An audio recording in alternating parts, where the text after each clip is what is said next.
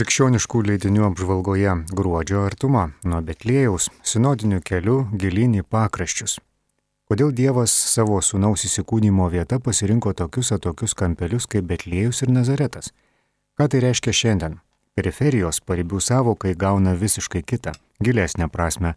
Popiežius Pranciškus sako, Juozapas dailydė iš Nazareto, pasitikintis Dievo planus savo jaunai sužadėtiniai ir savo pačiam, primena bažnyčiai nukreipti žvilgsnį į tai, ką pasaulis šiandien atmeta ir ignoruoja, o juk ir mūsų slapčiausi jausmai gimsta ir auga sielos nepasiekiamoje periferijoje, kurią Dievas išvelgia keurai.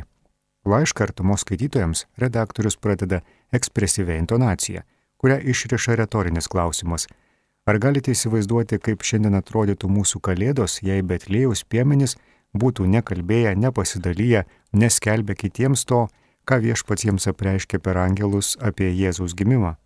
O koks būtų buvęs mūsų gyvenimas, jei moteris ir kiti mokiniai būtų nepaskelbę apie prisikėlimą? O kankiniai nepaliudyja, tai koksgi bus tas mūsų sinodinis kelias? Jei neišdrysime jame dalyvauti, kalbėti, liudyti, klausyti, girdėti. Jei manytume, kad ai neverta, kad nesame verti, nes kas čia manęs klausys? Koks mūsų mažųjų santykis su bažnyčia, kaip jie jaučiasi atėję su vyresniaisiais į šventovę, ko jiems trūksta, ko per daug, kas patinka. Šešerių metų nedalyjasi. Jeigu manęs paklaustų, ką aš galiu patarti kunigui, tai patarčiau, kad daugiau mišių vaikams būtų ir dar patarčiau, kad pamokslai būtų trumpesni, nes labai sunku sulaukti, kol pasibaigia. Ar vaikams svarbu, kad jų nuomonės išklausoma bažnyčioje, ar turi reikšmės kunigo išorė? Sužinosite atsivertę gruodžio artumą. Beje, popiežius sako, kad sinodas turi apimti ir įtraukti vaikus. Artuma gali džiaugtis, kad į vaikų balsą įsiklauso, ko ne kiekviename numeryje.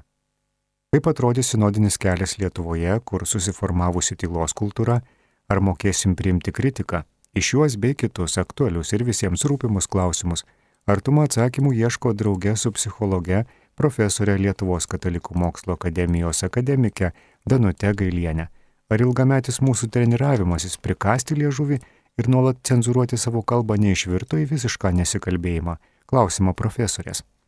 Gruodžio artumoje rasime ir brolišką dvasininkų pokalbį apie sinodą, o juos kalbinės kunigas Artūras Kazlauskas kėlė klausimą, kokią kunigams kaip žmonėms reakciją sukėlė sinodo pasiūlymas. Galbūt tai džiaugsmas ir geroji naujiena, anot audriaus, nes bažnyčiai įdomu, kaip gyvena paprastas žmogus. O gal džiugina, anot Vidmanto, kad kunigas irgi vertinamas tiesiog kaip bažnyčios dalyvis, ne vadovas, ne tasai, kuris privalas už viską atsakyti. Popiežius Pranciškus pasišovė siekti naikinti klerikalizmą. Kaip dvasininkai vertina šį reiškinį? Anot Andriaus, nuo senų laikų žmonės kunigą iškelia ant piedestalo, paskui bando jį nuversti O gal įmanoma eiti drauge iš vieno? Lietuvos katalikiško gyvenimo kronikos puslapiuose Saulėna Žiukždaitė atkreipė dėmesį į esminius šiandienos gyvenimo skaudulius. Esame viskupų raginami melstis už pasieniečius ir karius, saugančius žmonės ir sikių žmoniškumą, maldoje nepamiršti pabėgėlių migrantų, nepamiršti moterų ir vaikų, ligonių. Taigi ar mūsų širdis gali būti kaip gailestingojo samariečių ir ne tik žodžiais, bet ir darbais ar malda, turinčią mums dažnai nesuvokiamą galę, kaip šiais metais atrodė mūsų įsiklausimas į vargstančių poreikius ir darbai jų labui. Artumos pokalbė dalyvavo Lietuvos viskupų konferencijos, socialinių reikalų tarybos pirmininkas arkivyskupas Kestutis Kievalas, Vilniaus karito socialinės pagalbos ir integracijos centro Betanija vadovas Miroslavas Seniutis, Lietuvos Respublikos Seimo narys, socialinio darbo pedagogas Linas Kukuraitis, Tauragė švenčiausios trejybės parapijos klebonas kuningas Marius Venskus. Pašnekovus kalbino Lietuvos karito generalinė sekretorė Deimantė Bukeikaitė. Žmonės patyrė baimę vienišumą abejonės, tapo akivaizdi nuo širdaus bendravimo stoga, pasakoja kuningas Marius. Mūsų karta pirmą kartą išgyvena tokį reiškinį, kuris krizėje suvienyje visą pasaulį, teigia Kestutis Kievolas. Išgyvename vargšo būseną. Blogiausia, kas įvykę, tai visuomenės susipriešinimas apie galimas išeitis ir pagalbos būdus gruodžio numeryje. Užbaigdama šiuos metus, kurie popiežiaus pranciškos valia buvo skirti Juozapui, artumos redakcija apsilankė dar vienoje Švento Juozapo parapijoje Lūkščiuose, Šakių rajone Vilkaviškio viskupijoje. kaip atrodo parapijos gyvenimas ir kaip šventasis Juozapas darbuojasi Zanavykų žemėje. Jis labai žemiškas. Taip apie savo naująjį parapijos kunigą Eugenijų Naujalį sako parapietis Robertas. Neskirsto žmonių į kastas, o svarbiausia, kad naująjį kleboną pasak tikinčiųjų tikrai veda uždeganti dvasia. Apie tai, kaip atsirado Kalėdos, gruodžio numeryje pažintinis kunigo Artūro Kazlausko straipsnis - Kalėdų didingumas - ne vien kūdikėlio gimime. Čia švenčiamas tarpininko tarp Dievo ir žmogaus ateimas. Žmogiškosius ir dieviškosius prigimčių - Kristus - tiltas tarp dangaus ir žemės per savo auką atpirko žmoniją.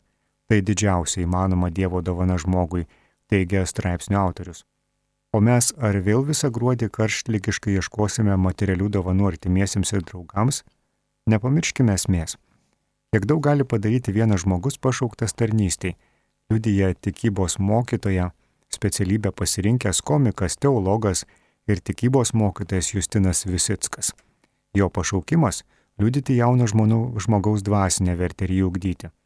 Pati nepopuliariausia kryptis pedagogų greitkelyje tapti draugu, todėl šiuo metu mokausi girdėti ir išklausyti.